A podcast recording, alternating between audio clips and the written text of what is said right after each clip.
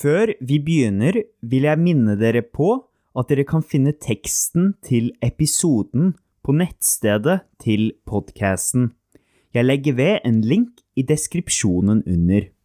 Takk. I denne episoden skal vi snakke om en sport som heter frisbeegolf. Målet med sporten er ganske enkel. Man skal kaste en disk, eller frisbee om du vil, fra ett sted til et annet på færrest mulig kast. Det er ikke tilfeldig at det har ordet golf i navnet sitt. Frisbeegolf er nok inspirert av golf. Hovedforskjellen er bare at man bruker en frisbee-disk i stedet for en ball og kølle som i golf. I tillegg går man fra hull til hull på en bane som er laget for frisbeegolf. Hull er et begrep som er henta ifra golf, der man skal få ballen oppi et hull. I frisbeegolf skal man derimot få disken oppi spesiallagede korger. Som regel består en bane av 9 til 18 slike korger. Eller hull, om du vil. Faktisk er det ganske mange begreper fra golf som er tatt inn i frisbeegolf. La oss se litt på noen vanlige uttrykk i frisbeegolf. På hver korg du skal prøve å treffe, er det gitt en indikasjon på hvor mange kast man bør klare det på. Dersom du klarer å treffe korga på så mange kast som er angitt, får du det vi kaller for par. På scoren vil dette telles som null kast, ettersom du klarte det på så mange kast som var angitt. Som sagt gjelder det å få så lav score som mulig. Om man kaster ett mer kast enn det som er angitt, sier man at man får en bogey. Dette vil telles som pluss én på scoren. Altså, hvis man får bogey på alle korgene på en bane med 18 hull, vil man da få 18 pluss.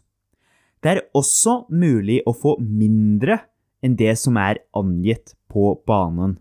For eksempel kan man klare banen på ett kast mindre enn det som er angitt som par. Da får man det som heter birdie. Det teller som ett minuspoeng på scoren. Dersom man hadde seks poeng før man klarte å få en birdie, ville man etterpå bare ha fem poeng. Altså ett minuspoeng på grunn av birdien. På lengre baner kan man klare å få det som heter eagle. Dette er to mindre kast enn det som er angitt for banen. Dersom man bare trenger to kast på en firehullsbane, får man dermed eagle. På de aller lengste banene i verden er det mulig å få albatross, som er tre færre kast enn par. Dersom par er fem, vil det si at man klarer banen på bare to kast og man får hele tre minuspoeng. Likevel er det nok nesten bare profesjonelle frisbeegolfspillere som klarer en slik bragd. Bragd betyr en god prestasjon. Noe av det mest prestisjefulle og vanskeligste i frisbeegolf må være å klare å få en ace. Det vil si at man klarer å kaste disken opp i korga på sitt første og eneste kast. For de aller fleste av oss vil dette være nesten helt umulig. Man kan se flere profesjonelle som har gjort det flere ganger i konkurranser. Jeg kan anbefale dere å søke opp noen videoer og få et lite innblikk i hva det vil si å klare en ace. Ettersom det er mulig å få minuspoeng Dersom man klarer hullene under par, er det mulig å få minuspoeng totalt i score etter man er ferdig. Dersom man får birdie på hvert hull på en bane med 18 korger, dvs. Si én under par på hvert hull, vil man få 18 minuspoeng. Det er sjeldent at man får minuspoeng dersom man ikke har spilt veldig lenge, men de beste i verden fullfører så å si alltid med minuspoeng når de er ferdige. En vanlig frisbeegolfbane vil normalt ha 9 18 hull, selv om det finnes baner som både har mer og mindre hull enn dette. Lengden på hvert hull varierer, men ligger som regel på mellom 60 til 120 meter. Likevel kan man finne hull som er så korte som 30 meter. Profesjonelle vil gjerne spille på baner med litt lengre hull. Det lengste hullet i verden er 540 meter langt. Dette er omtrent fem fotballbaner langt. Hullet ligger i Highbridge Hills, et lite stykke unna New York. De som lager og designer baner, prøver ofte å bruke landskapet, terrenget og naturlige hindringer for å lage spennende baner. For eksempel kan de ta i bruk tre, busker, høydeforskjeller, vann og lignende for at hvert hull føles unikt ut. I tillegg kan man legge inn en mando. Mando står for mandatory og betyr at du må kaste til venstre eller høyre for en hindring, eksempel et tre. Dersom du kaster utenfor mando, får du et straffekast og må kaste fra en drop zone dersom det er tilgjengelig på hullet. Et straffekast vil si at du får ett poeng ekstra på det hullet. Det samme gjelder dersom det er en OB-sone. OB står for out of bounds, altså utenfor banen. Mando og OB er ofte laget for å gjøre hullene mer spennende, men også for sikkerhet, slik at man skal unngå å kaste mot turveier, hus og generelt steder det kan befinne seg folk på. Generelt vil man prøve å lage baner som krever mange forskjellige typer kast, slik at spillere med ulike svakheter og styrker skal kunne utfordre seg selv. Dette gjør også at det blir mer variasjon. Til forskjell fra golf er det ikke så mye vedlikehold for å ivareta en frisbeegolfbane. En golfbane vil gjerne kreve at man klipper og steller med banen daglig. Frisbeegolf krever mye mindre for å holde banen fin, og i Norge er det ofte lokale frisbeegolfklubber som har ansvaret for å vedlikeholde banen. Dette blir som oftest gjort av medlemmer av klubben på dugnad. Dugnad vil si frivillig arbeid. Ettersom mye av arbeidet ved å vedlikeholde banen er gjort på frivillig basis, er de aller fleste banene i verden gratis. Mer enn 80% av banene som er registrert på Disc Golf Course Review, er gratis å spille. Frisbeegolf er dermed en svært billig sport som kan spilles av alle. Det eneste man trenger å kjøpe, er en spesiallaget frisbeedisk. En slik disk er litt annerledes enn en vanlig frisbee. Diskene er nemlig ganske små, harde og tunge som gjør at det er lettere å kaste dem lengre. Diskene er også designet litt ulikt. For eksempel er det noen disker som går litt lengre, andre litt høyere, og noen går mer mot venstre eller høyre. Ofte har man drivere for å kaste lenger og midrange for å kaste litt kortere, men ha bedre kontroll på kastet. Dersom man er svært nærme og skal prøve å kaste disken i korga, vil man gjerne bruke en putter. En putterdisk er ofte litt rundere og mykere, slik at de går mer rett fram. Normalt klarer man seg med tre disker, én av hver type. I Norge pleier en slik disk å koste ca. 150 norske kroner. Dette er, med dagens kurs, ca. 16,5 dollar, 14 euro eller 13 britiske pund. Man klarer likevel å spille frisbeegolf med bare én disk, selv om det kan hende at man mister en disk iblant mens man spiller. Frisbeegolf er ikke en gammel sport. Den moderne formen oppsto på 1960-tallet i USA, særlig blant studenter. For eksempel hadde studenter ved Rice University i Houston, Texas, frisbeegolfturneringer så tidlig som i 1964. På denne tida fantes det selvsagt ingen baner for frisbeegolf, og studentene som spilte, brukte tre som mål.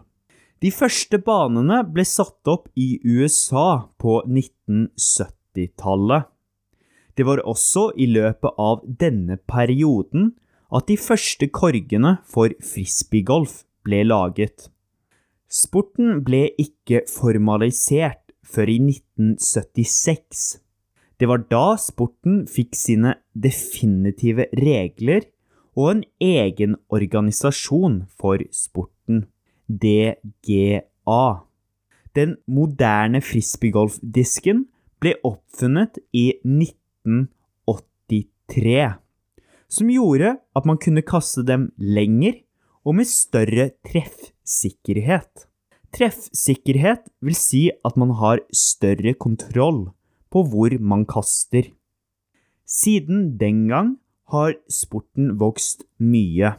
Faktisk er det den fjerd raskest voksende sporten i USA, bare bak MMA roller derby og parkour. Rundt omkring i verden blir det også satt opp stadig nye baner. Mellom 2007 og 2017 ble det satt opp mer enn 400 baner hvert år i gjennomsnitt. På Disc Golf Course Review er det registrert 8900 baner i verden.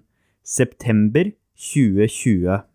Dette vil si at det mellom 2017 og 2020 har kommet i gjennomsnitt 700 nye baner hvert år på de siste tre årene.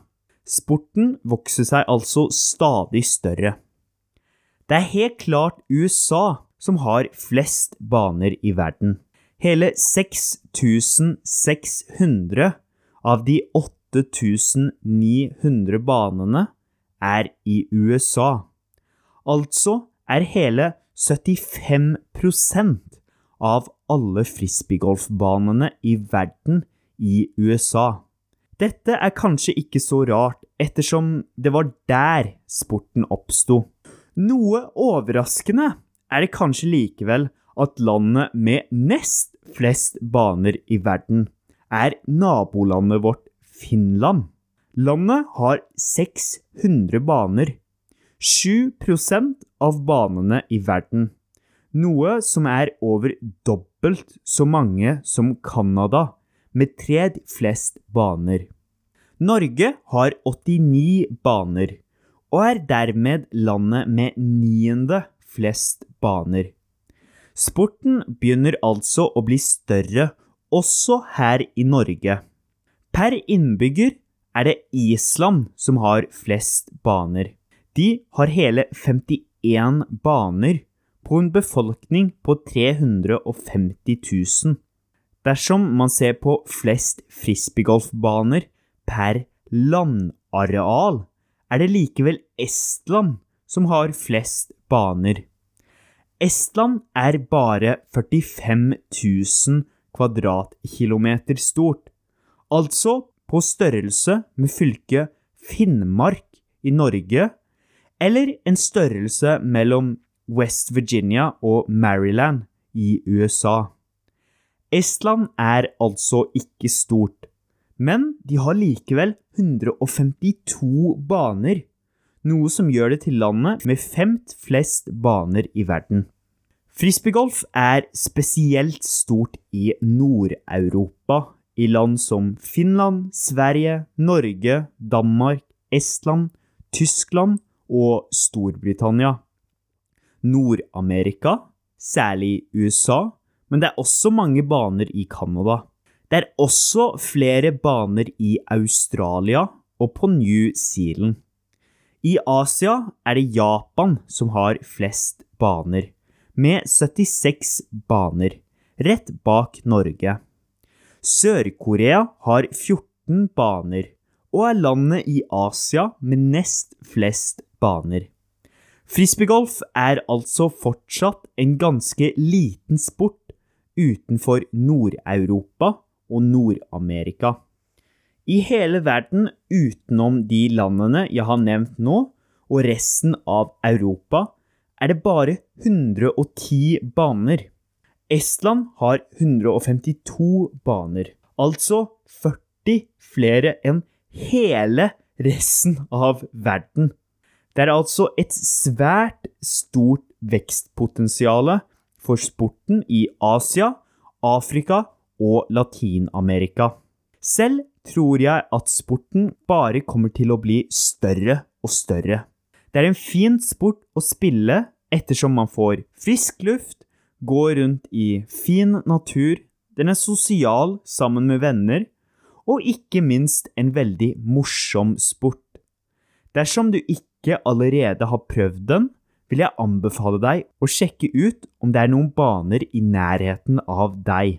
Ta med noen venner og prøv selv. Selv om frisbeegolf har økt kraftig i medlemstall, er det særlig menn som spiller sporten, eller i hvert fall som har registrert seg i en frisbeegolfklubb.